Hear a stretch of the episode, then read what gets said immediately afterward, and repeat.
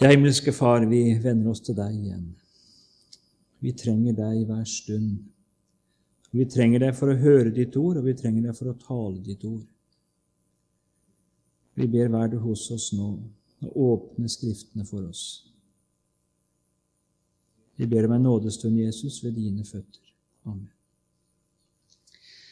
Vi skal lese fra kapittel 1 og vers 22, og vi skal lese til og med vers 10 i kapittel 2, og vi leser i Jesu navn.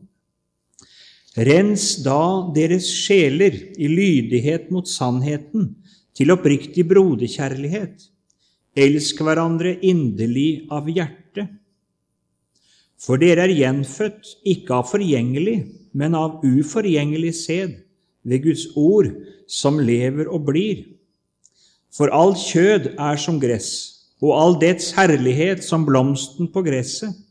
Gresset visnet, og blomsten på det falt av. Men Herrens ord blir til evig tid. Og dette er det ord som er blitt forkynt dere ved evangeliet.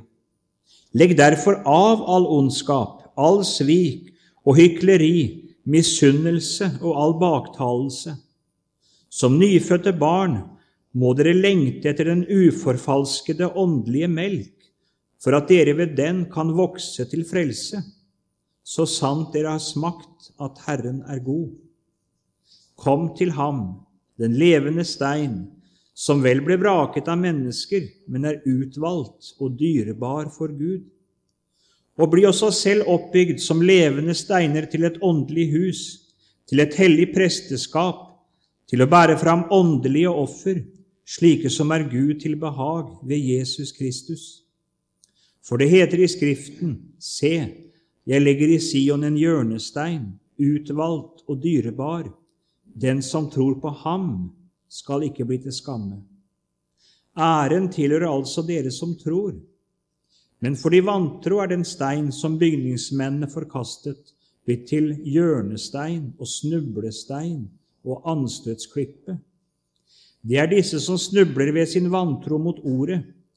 Til det er de også satt. Men dere er en utvalgt ett, et kongelig presteskap, et hellig folk, et folk til eiendom, for at dere skal forkynne Hans storhet, Han som kalte dere fra mørket til sitt underfulle lys, dere som før ikke var et folk, men nå er blitt Guds folk, dere som før ikke hadde funnet miskunn, men nå har fått miskunn. Du som har kommet til tro på Jesus, du har i hans blod fått renselse fra hele ditt syndeliv. Du er løskjept fra ditt gamle menneske og fra den dårlige ferd som var arva fra fedrene. Og så står du for Gud i Kristus som om du aldri hadde synda. Og du er født på ny til å være Guds ektefødte barn. Det har vi samtalt eller talt over disse kveldene. Men også en annen ting har vi vært inne på synden og kjødet. Selv om du er løst ifra det, og du har tilgivelse for det, og dersom det ikke det fantes, så er det tilbake her hos deg. Like forferdelig. Like urent. Du som i Kristus er ren og rettferdig for Gud, du opplever det at urenheten, den er i ditt bryst. Og så får du tro deg frelst fra det. Men så sier Skriften her rens da deres sjeler i lydighet mot sannheten, til oppriktig broderkjærlighet. Elsk hverandre inderlig av hjertet. Først ansvar for dette med lydighet mot sannheten. Nå er det jo frelsen i Jesus, syndenes forlatelse i ham. Det er sannheten. Denne frelsende sannhet. Tenk det. At jeg for Jesus skyld skal få lov til å ha syndenes forlatelse i hans blod. Og så innebærer det at jeg tror på Han. Det innebærer at jeg går til Han med mine synder. At jeg innretter meg etter evangeliet, etter sannheten i Jesus. Det er det som menes med lydighet mot sannheten. Den som tror, han innretter seg etter det han tror.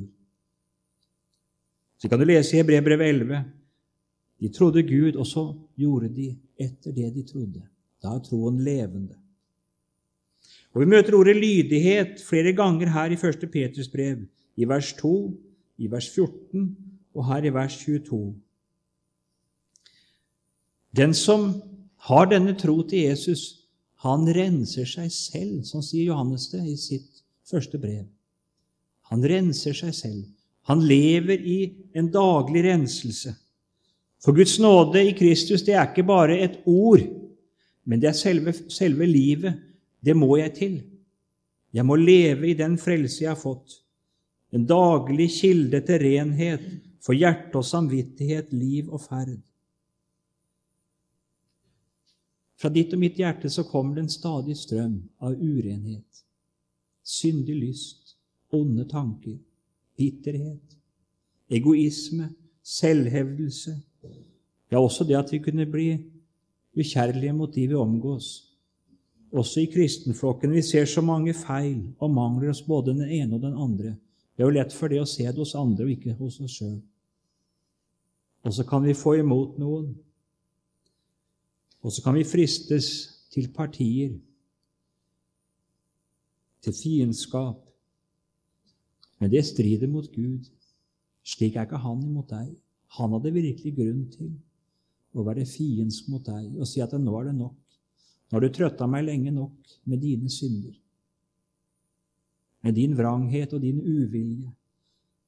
Men han er ikke slik. Hans nåde, den er ny hver morgen. Og det er din redning at han er slik mot deg. Han viser miskunnhet mot deg og bærer over med deg og tilgir deg for Jesus skyld.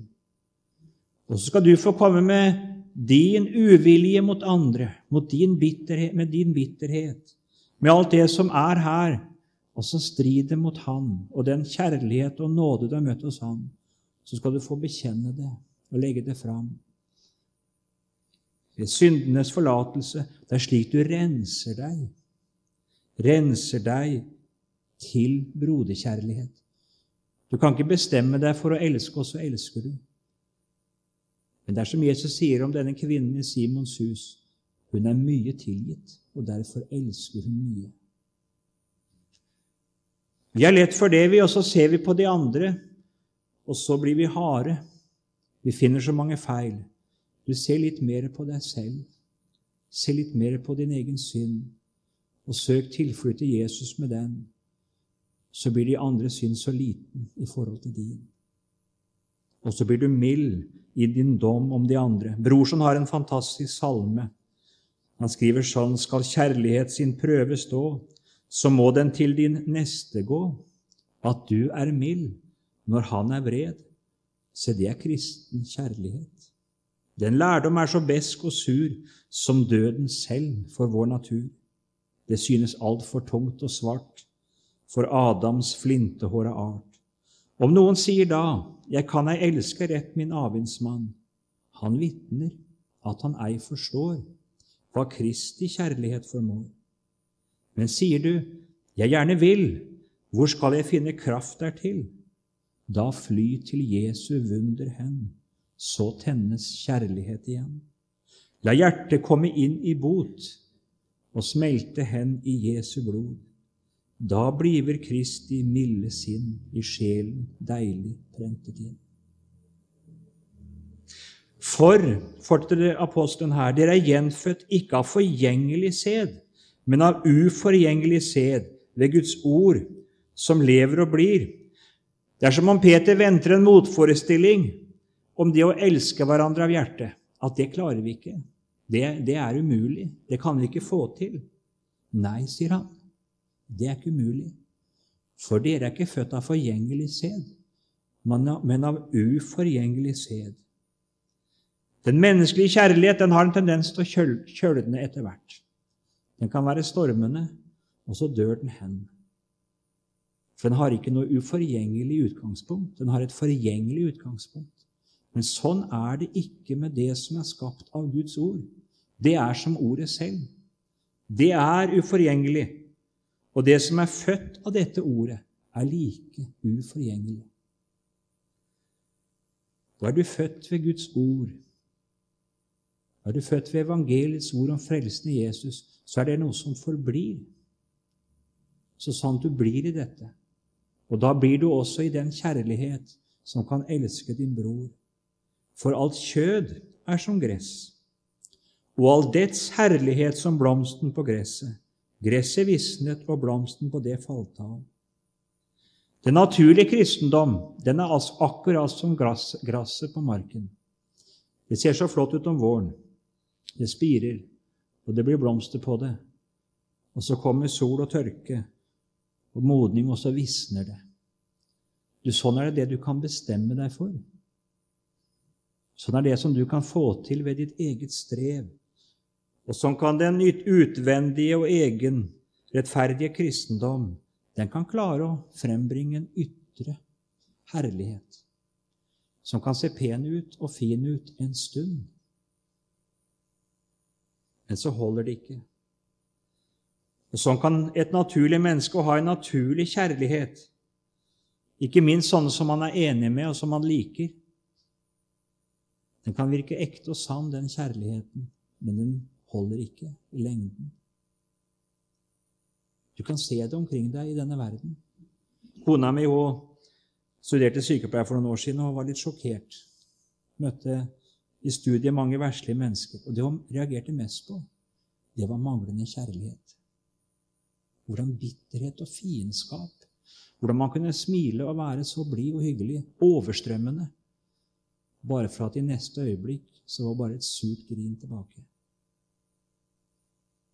Du, sånn er det ikke med Kristi kjærlighet. Og sånn er det ikke med den kjærlighet som er født av Han. Den blir ved fordi den er født av uforgjengelighet. For Herrens ord blir til evig tid, og dette er det ord som er blitt forkyntere ved evangeliet.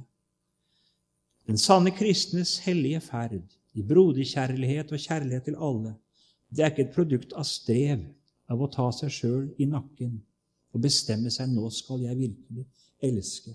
Nei, det er en virkning av evangeliet. Den som er mye tilgitt, han elsker mye. Slik er det.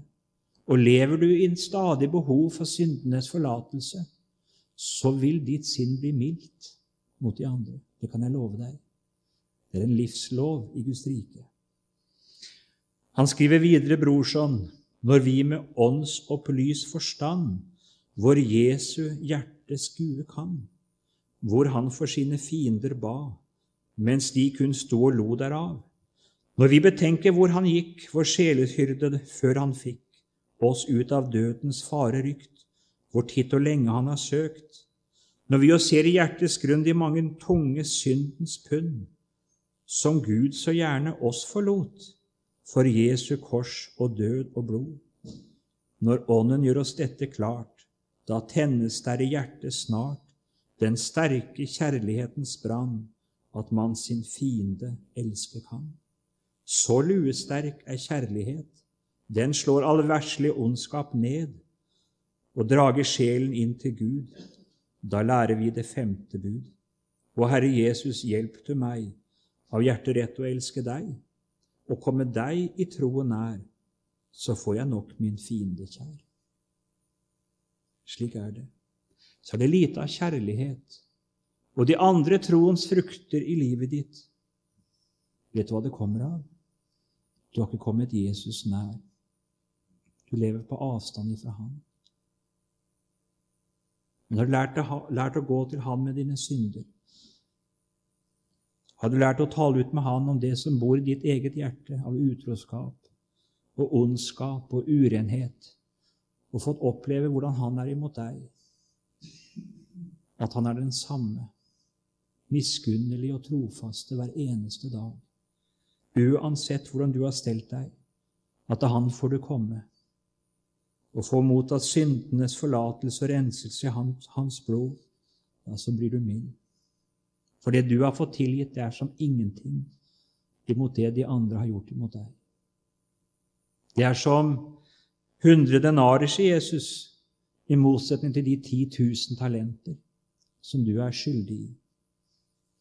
Legg derfor av all ondskap, all svik og hykleri, misunnelse og all baktalelse.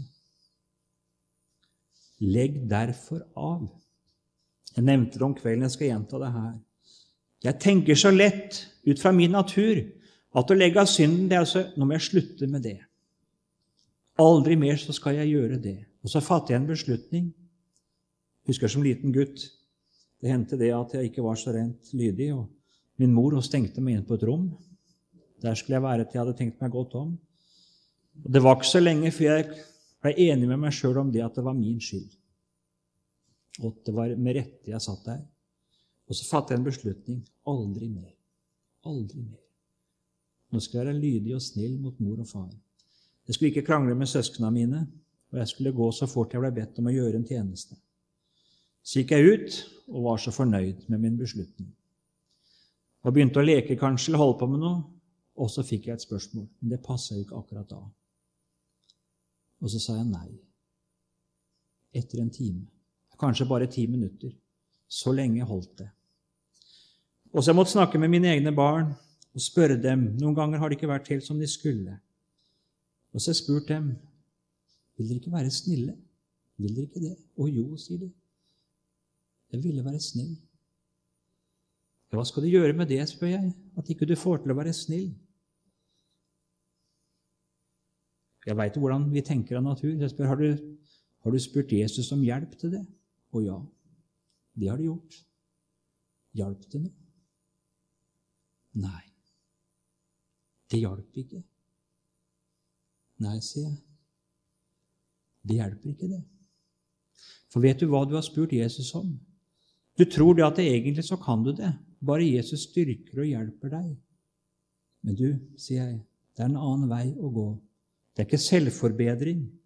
Du skal få lov til å gå til Jesus og fortelle hvor stygg du har vært, hvor slem du har vært, om temperamentet ditt, og de stygge orda dine, de onde tankene dine. Si det akkurat sånn som det er.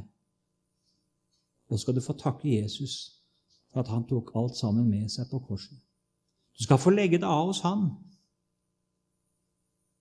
Da er du ferdig med det. Vet du hva du og jeg vil? Vi vil ta dette her, og så vil vi forbedre det og pynte på det.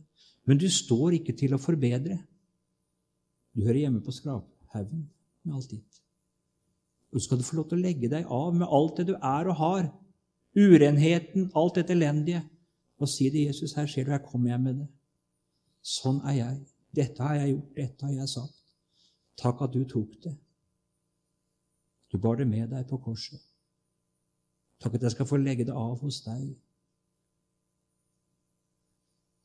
Og så skal jeg ikke behøve å fiske i dette glemselens hav. Der er det. For evig tilgitt og glemt. Som nyfødte barn må dere lengte etter den uforfalskede åndelige melk, for at dere ved den kan vokse til frelse, så sant dere har smakt at Herren er god. Den uforfalskede åndelige melk er nettopp dette som den gudsbarnet er i dypeste avhengighet av. Det er nettopp frelsen i Jesus. Det. Dere må lengte etter den og få suge til dere av den, så dere kan vokse etter frelse. Det er et underlig uttrykk. Vi tenker at vi er frelst. Men her taler det altså om å leve i dette, daglig ta til seg av dette, og ved det altså vokse og bli i denne frelsen. Vi er født ved sannhets ord, og vi vokser ved det samme ord. Selv om du er født av Gud, så mangler jo mye på det at du og jeg er vokst til manns modenhet. Troslivet vårt er så spett. Det er på en måte bare i sin ringe begynnelse. Nå har du smakt at Herren er god, at det er godt å høre Han til, så prøv å trenge dypere inn i det du eier i Ham. Befest deg i det, eller la deg befestes i det ved å leve Jesus nær, ham alltid mer kjær. Du skal være som et nyfødt barn. Jeg har seks barn. Og det vet jeg fra de var små, nyfødte. Og så kom det slik Det var ikke så lang tid imellom, og så kom behovet og skriket etter å få melk. Og da var de ganske febrilske før de fikk sugd seg fast og fikk virkelig suge til seg det de trengte. Det var deres eneste begjær. Sånn skulle du ha det. Om du kunne virkelig få ta til deg av evangeliet. Akkurat som morsmelken er så nøye tilpassa. Der er alt det barnet trenger. Næringsrikt og sunt og godt. Det er sånn også Guds ord. Det verner deg mot all åndelig sykdom. Det gir deg alt du trenger for å bli bevart og vokse som en troende. Må du lengte etter det og søke det i de hellige samfunn og i ditt hjem. Det er alt det du trenger. Kom til ham, den levende stein, som vel ble vraket av mennesker, men er utvalgt og dyrebar for Gud. Her skifter på mange måter bildet. Ja, det er mer enn et bilde vi møter her, det er en virkelighet. I, gamle, I, den gamle paks tid så tok Gud bolig i Israel, i et tempel, et tabernakel først, og så i et tempel. Der bodde han. Og så kom Guds sønn selv, og da tok han bolig midt iblant dem. Guds fylde tok legemlig bolig midt iblant dem. Så får Jesus opp til himmelen, og fra pinsedag av så har han tatt bolig i sine. Det er Den hellige ånd. Og så er det de troende som er et tempel.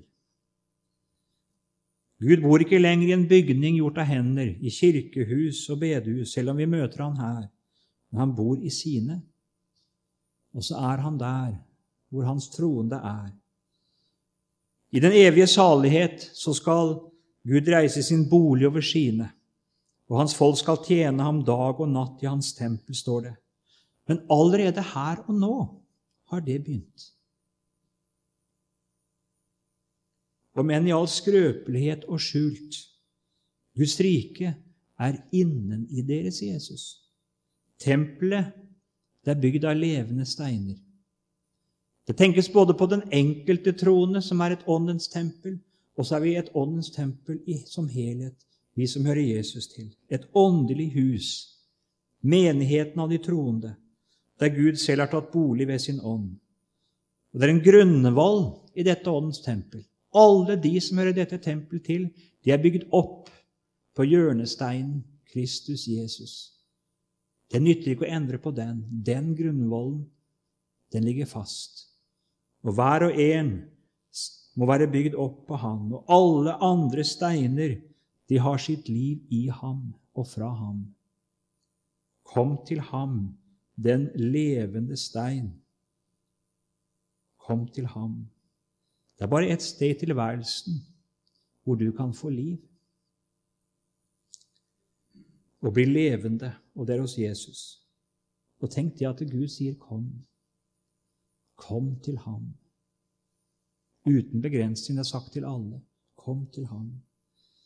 Du innbys til å ha ditt liv plantet på ham, hvilende på ham. Du det fundament som han har lagt. Der skal du få hvile. Han har tatt alt ditt, og så vil han gi deg alt sitt. At det skal få være ditt. Du som ikke får det til å være en kristen, du som kjenner på det at det er alt sammen det er ødelagt, det er bare død og elendighet i meg, så sier han, kom til ham. Kom til ham, den levende stein. I ham er liv. Og du skal få livet i ham. Han ble vraket av mennesker. Bare en kort parentes om det. Det var det tragiske. Han kom til sitt eget. Og hvorfor ble han vraket? Jo, for det som var forventningen hos fariseerne og de skriftlærde, det var at Gud han skulle styrke dem med sin kraft. Og de venta at Jesus skulle komme på en måte være med i dette restaureringsprosjektet. Og styrke og hjelpe dem. Det ligger så for deg og meg. Vi vil stå for Gud i vårt eget og bli akseptert i vårt.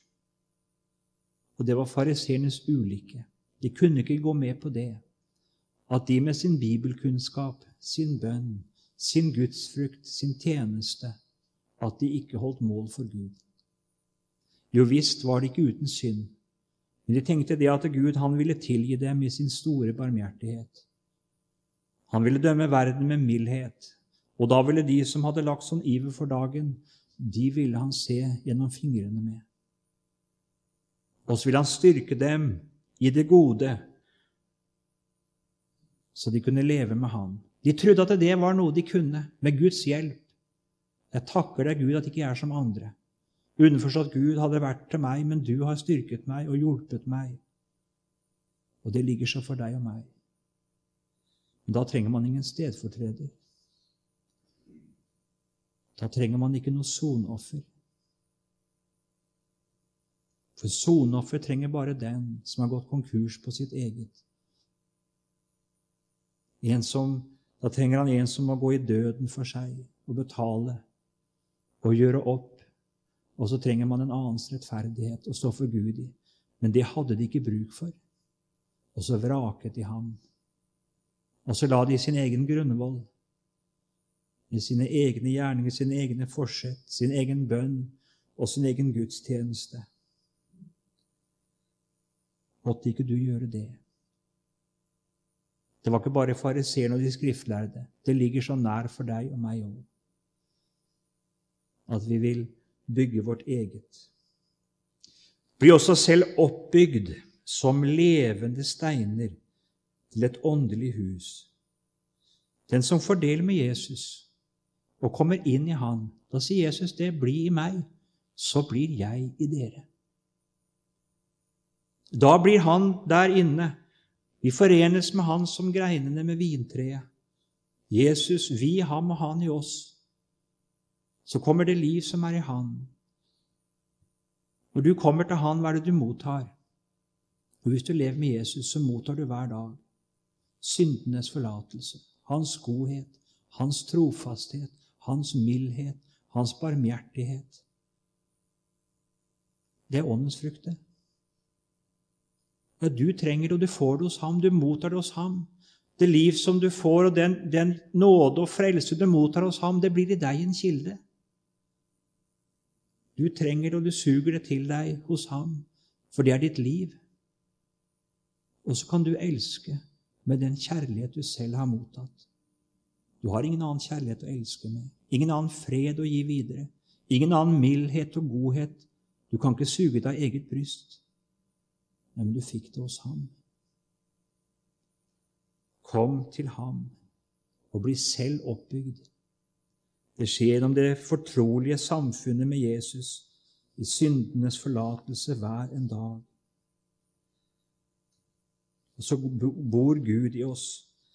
Tenk på det. Åssen var det i tempelet og i tabernakelet? Jo, det var iallfall tre ting der inne. Ja, det var fire ting. I det aller helligste, der var arken med forsoningsblodet, soningsblodet. Der var lysestaken, skuebrødsbordet, og så var røykofferalteret der. Hvordan er det i ditt hjerte hvis det er et åndens tempel? Og da er Jesu blod der, det er for dine synder. Det er der. Der lever du. Du lever i den daglige renselse. Der er lysestaken, der er ordets lys. Det lyser opp i ditt mørke. Der er røykofferaltet, der er bønnene. Du lever der, i en samfunn, og du får lov til å love og takke og be til din himmelske Far. Der er alt det som var i tempelet. Det er i den troendes hjerte. Å få være Guds tempel er det største av alt. Det innebærer jo det at jeg har det næreste og mest fortrolige samfunn med Gud. Jeg bør ikke springe dit eller dit, men han bor ved troen i mitt hjerte. Ordet er der nær, i din munn og i ditt hjerte. Der lever dette troens ord, som jeg får leve av. Og Gud er min, og jeg er hans. Hans eiendom. Er jeg hans tempel? så kan vi bevare meg. Så kan vi sørge for det som er hans egen eiendom, hans egen bolig. Og det kan jeg være sikker på.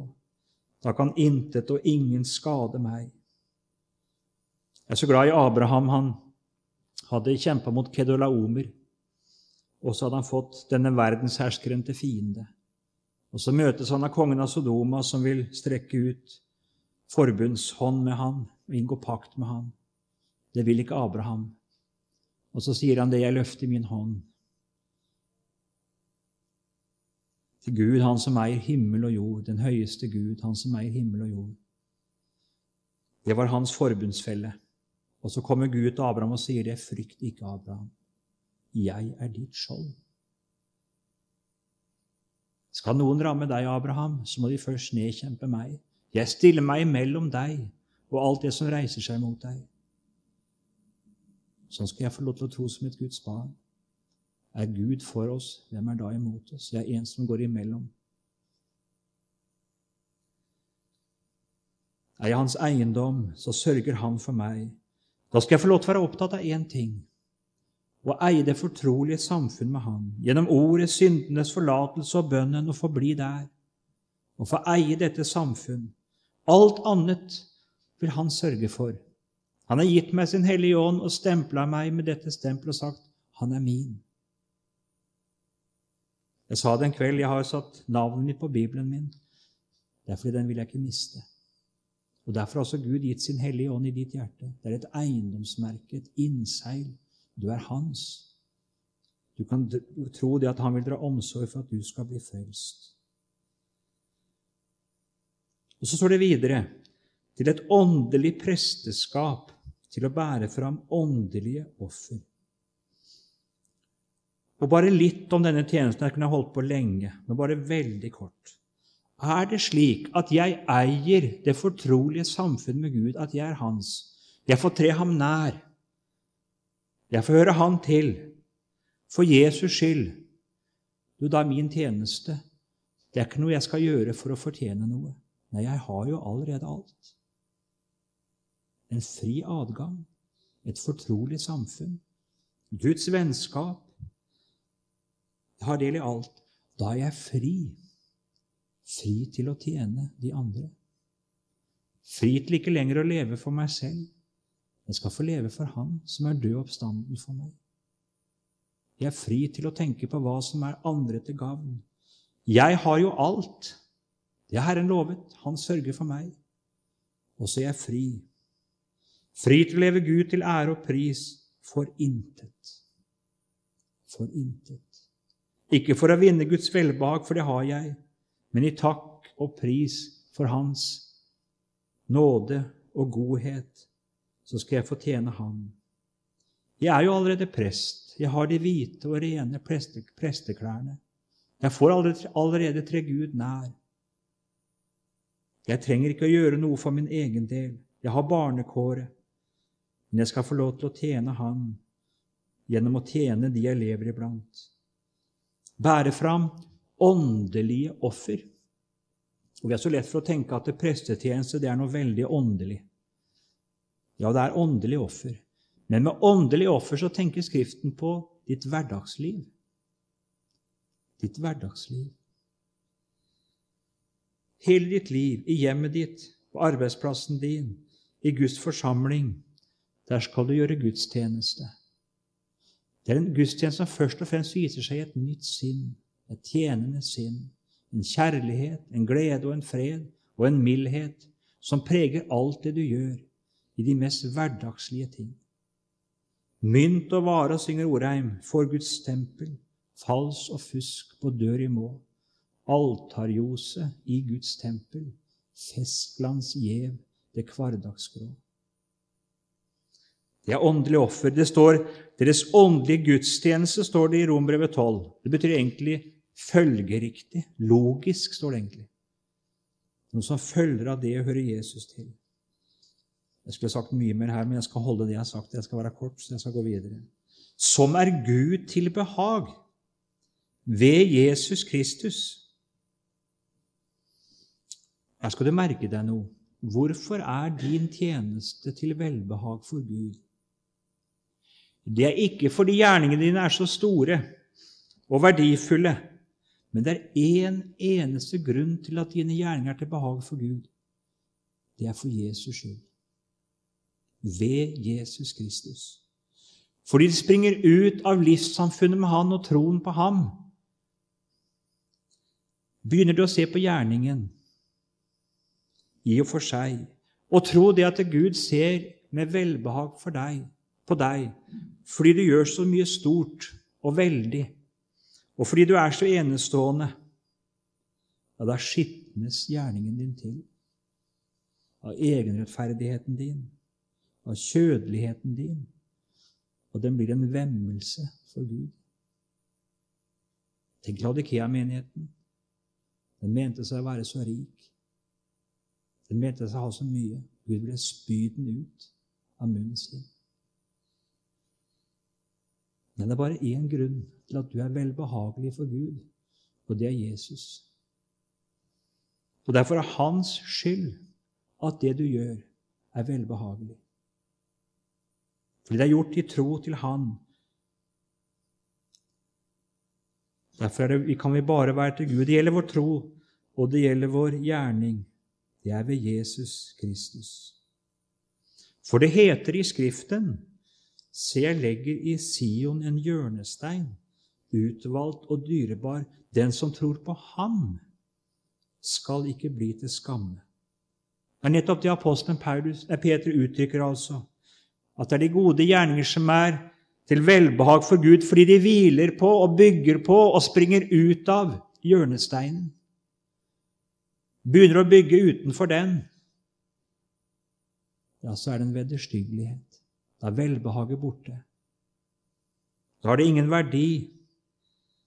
Ja, selv om gjerningen i seg selv er så uendelig stor, har den ingen verdi. Luther han bruker et veldig uttrykk. Han sier det at hvis du springer rundt, sier han, og omvender halve verden Men det er ikke gjort i tro og tillit til Jesus. Det er gjort på en måte ut fra din egen gjerning. Så er det en vederstyggelighet for Gud. Men om du løfter opp et strå i tro og tillit og kjærlighet til Gud, så er det en stor gjerning. Det er ikke gjerningen i seg selv, men det er personen som avgjør om en gjerning er velbehagelig for Gud. Og Det kommer an på om denne personen henger fast ved hans sønn. For det er for sønnens skyld det er velbehagelig. Det er for sønnens skyld. Den som tror på ham, skal ikke bli til skamme. Jeg bruker av og til et bilde for mine elever. Jeg tenker at vi kommer fram for Guden da, og så sier vi det. Du kjenner vel meg, Gud? Jeg som gjorde det. Jeg som var bibelskolelærer. Jeg som har gjort det og det i ditt navn. Du lærte på våre gater, ikke sant? Og hva har ikke jeg gjort for deg? Nei, sier han, jeg kjenner deg ikke. Jeg vet ikke hvor du kommer ifra. Men så kommer jeg fram også, så kan jeg få si det. Jeg kommer til deg, himmelske Far, fordi jeg kjenner din sønn. Jeg vil komme fram for deg i hans navn. Ja, han kjenner jeg. Og jeg kjenner dem som har tatt sin tilflukt med ham. De kjenner jeg. Sånn er det i himmelen. Der gjelder ikke ditt navn noe som helst. Ingenting. Det er ens navn som gjelder noe. Det er Jesus. I det er vårt velbehag. Og alt det vi gjør, bærer sitt velbehag og får sitt velbehag fra Ham. Æren tilhører altså dere som tror. Ikke de store helgener, ikke de store kirkeledere, ikke de som har størst makt og innflytelse, ikke de største talegaver eller den største lærdom. De er vi lett for å ære.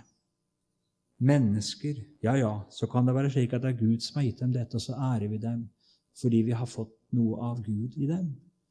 Vi har møtt Guds ord der for Jesus skyld. Så holder vi dem høyt i ære.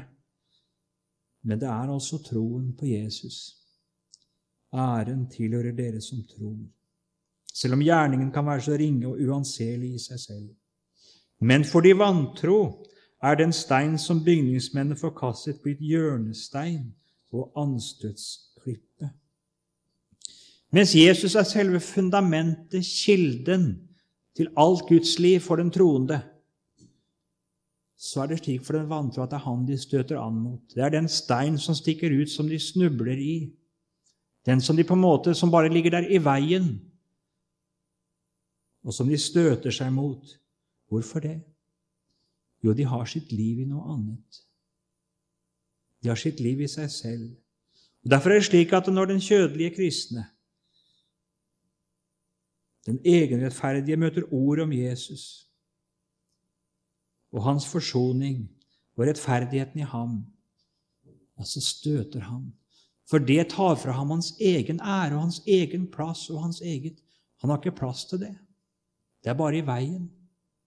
Det er veien for hans eget. Og så møter han talen som Skriften har, om det liv som springer ut av frelsen i Jesus. Og vet du, det livet, det overgår det den menneskelige kristendom kan få til. Og så reagerer han med det at dette er over evne. Dette er utover all menneskelig erfaring og mulighet. Hans eget blir til skamme i møte med det som er av Gud. Det blir dømt åpenbart som noe som ikke holder mål. Sånn var det for Nikodemus. Han hadde stått og sett. Han hadde sett på Jesus. Og det livet han møtte der, det overgikk. Og så ville han så gjerne nå dit opp. Og han lurte på hva det var, hva som Jesus kunne tilføre ham. Det var noe der som dømte hans eget. Intet sparte Jesus av det som var hos Nikodemus. Tenk på det, denne aktede mannen, en rådsherre, en av de 70 i Det høye råd, en lærer i Israel, en aktet mann. Han kommer til Jesus, og så spør han. Og så sier Jesus, 'Du må bli født på ny'. Alt det du har, Nikodemus, det er null verdt. Null verdt. Du har ikke begynt å leve ennå. Du er fremmed for livet i Gud. Hva med alt det han hadde? Eller med Paulus? Alt det han hadde. En fariseer, omskåret på den åttende dag. En fariseer blant fariseere. Han hadde så mye. Og du kan tro det kosta. Å komme dit hen, jeg akter det som skarn. som tap, for at jeg kan vinne Kristus og finnes i ham, ikke med min rettferdighet. Det er her det støtter an. Det å bli en av de syndere små, altså, som bare må rope om nåde, og sette seg der ved siden av synderinner og tollere. Det var anstøtet. Det kostet for mye. Vi vil så gjerne ha noe i vårt eget. Det er disse som snubler ved sin vantro mot Ordet. Til det er de også satt. Det vil si, dette har Gud bestemt. Det er Hans råd. At nettopp det ordet som skulle bli dem og skulle være dem til frelse, det er det ordet som skal bli dem til dom. Slik er det for den egenrettferdige. De skal snuble ved sin vantro mot ordet. Det ordet som de kunne bli frelst for. Jeg er sikker på det skal være den store, forferdelige pinen i evigheters evighet. Det var også for oss. Men vi forkastet det. Vi snublet, vi tok anstøt av det. Vi kunne blitt frelst, men vi ville ikke. Men dere er en utvalgt ett, et kongelig presteskap, et hellig folk, et folk til eiendom. Her ramses det opp noe så fantastisk stort, hva vi har, for at dere skal forkynne Hans storhet, Han som kalte dere fra mørket til sitt underfulle lys. Dere som før ikke var et folk, men nå har blitt Guds folk. Hører dere gjenlyden fra profeten Hosea her sånn? Loh ami heter det på hebraisk. Ikke mitt folk. Så skal det hete ami, mitt folk. Loh rochama. Ikke barmhjertighet. Skal det hetes rochama. Det skal hete de som har fått miskunn. Det anvendes på oss. Det var Israelfolket det som hadde blitt forkasta, ikke sant? Og så skulle Gud ta seg av dem igjen. Tenk, det kan sies også til deg og meg. Vi som virkelig ikke var noe folk. For vi hørte til hedningene. Tenk, vi har fått blitt kalt Guds folk. Vi har fått kommet inn i det og har fått miskunn i som på ingen måte hadde rett på det. Gå hjem, vil jeg si, og så les det som står her. Utvalgt. Ikke på grunn av dine gjerninger, ikke på grunn av noe hos deg, men utvalgt i Kristus fordi du har fått del med ham. ved Guds miskunn, ved troen på Jesus og hans stedfortelling, hadde fått del i alt det som gjør han til. Det er han som er utvalgt. Det er han som er den utvalgte og dyrebare stein. Og den som kommer til ham, får del med ham i alt det som er hans. Ikke av gjerninger, for at ingen skal rose seg. Og du har fått bli del av et kongelig presteskap. Kongelig presteskap. Det første største var det. Prest, hva var det? Det var bare de folket som fikk lov til å tre Gud nær og komme inn i Hans helligdom. Det har du fått for Jesus skyld. Kongelig presteskap. Du får tre Gud nær. Gjennom mellommannen Jesus for du komme helt inn. Du kan finne plass ved nådens trone. Eie Hans nåde og eie Guds vennskap. Du hører ikke lenger synden og verden til, men du har kommet inn i en helt ny tjeneste. Et liv for Gud. Du hører til et hellig folk, et folk som er tatt ut av denne verden, som er under døden og dommen, tatt inn i Guds rike. Et hellig folk som hører Han til. Et eiendomsfolk. Hans eget husfolk som han sørger for og tar seg av.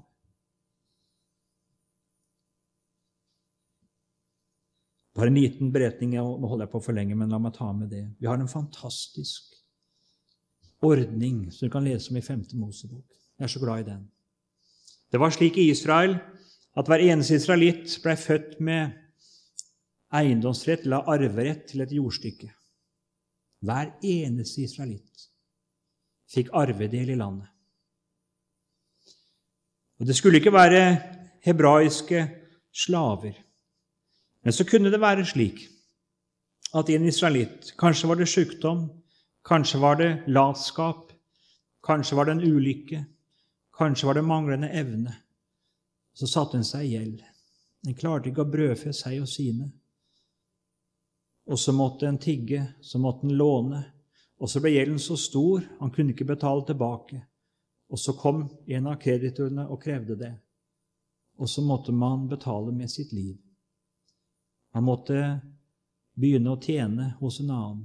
Ens eiendom, ens familie, alt ble tilhørende en av skyldnerne. Kanskje han gjorde opp med de andre kreditorene, og så måtte en betale fram til ettergivelsesåret med sin arbeidsinnsats og med sin jordlapp. Det ble overtatt av den andre inntil ettergivelsesåret. Når ettergivelsesåret kom, så fikk man flytte tilbake igjen. Da skulle man få gaver. Man skulle få det man trengte, så man kunne begynne på nytt igjen. Man kunne trenge såkorn, man kunne trenge litt redskap og utstyr for å kunne begynne på nytt igjen. Og Hans Herre fikk det ord fra Gud at det ikke gjør deg ondt at du sender med ham dette. Han har jo tjent deg i så mange år. Gi det med ham. Og Det er jo selv et bilde på frelsen. Dette er å få alt ettergitt, og så få begynne på nytt igjen. Men likevel, det er noe som er enda større. Si denne slaven som han hadde vært nå, trellen. Han kom til det. Når jeg vender tilbake til arvedelen min, det blir ny nød. Dette klarer jeg ikke. Hva skal jeg spise i morgen? Hva skal vi kle oss med? Hvordan skal det gå oss? Og så hadde han vært hos en god herre.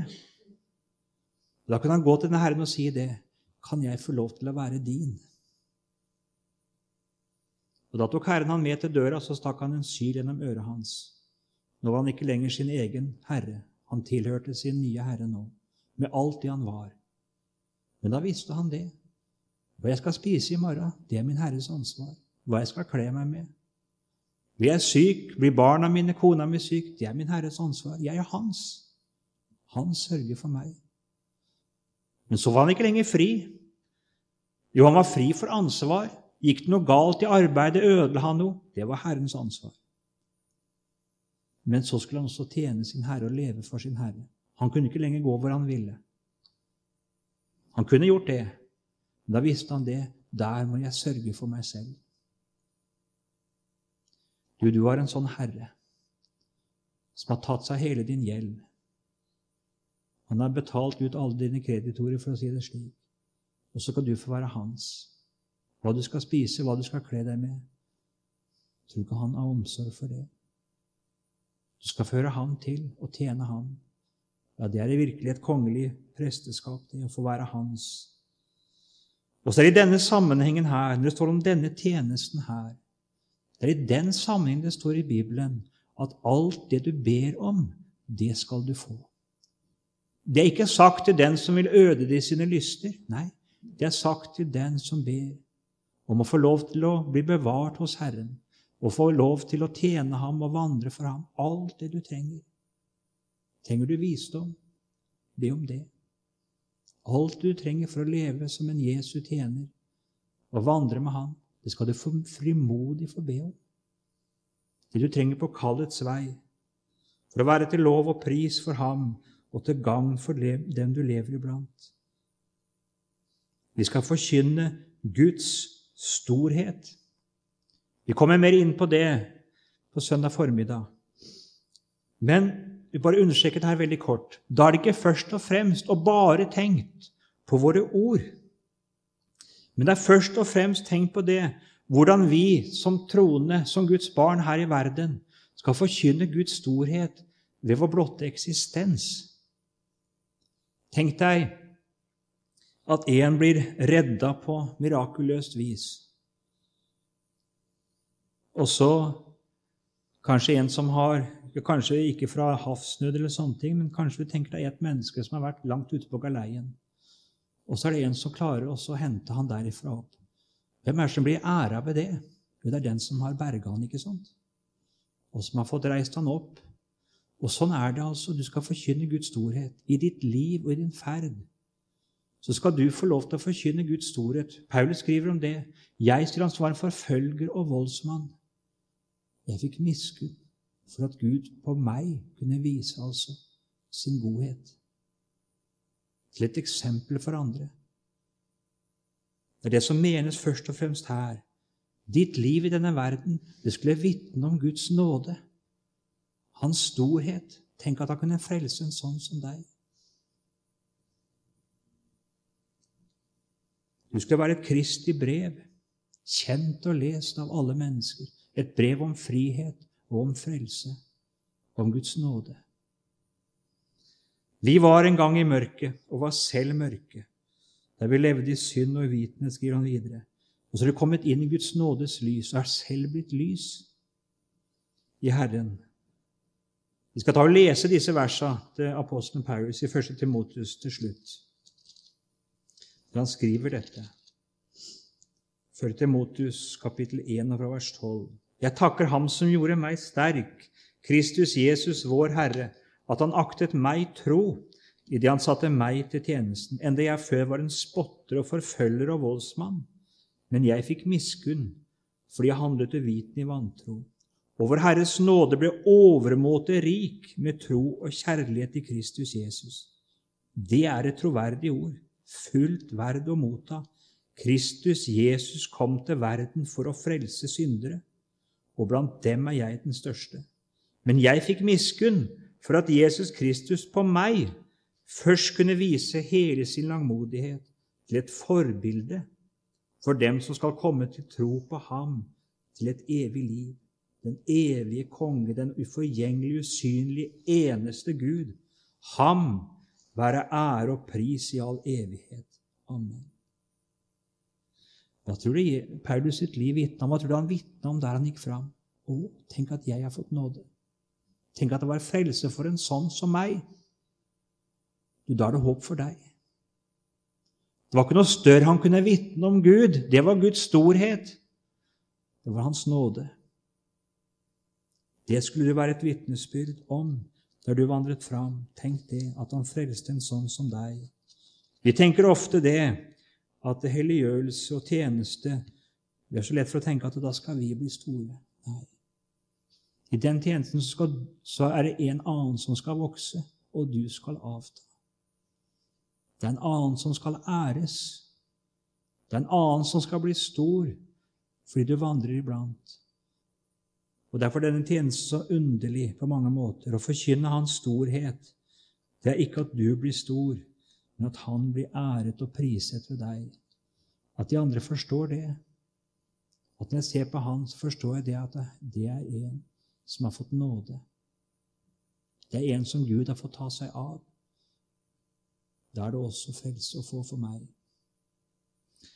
Ja, himmelske Far, takk at det er slik, og vi ber, la oss få vandre slik blant de vi omgås, at den nåde vi har møtt, at vi møter den gjennom våre liv.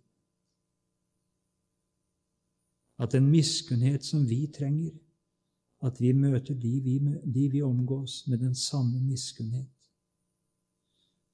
Du, Jesus, du har forlatt denne jord, og du har satt oss her som ditt tempel. Du taler ikke lenger direkte. Du går ikke omkring lenger og gjør godt. Men vi er ditt legeme, din munn, dine hender og dine føtter. Og vi ber om at ditt bilde måtte tegnes i oss. Ditt hjerteliv måtte banke i våre hjerter, slik at de vi omgås, kunne møte deg og se din storhet. Amen.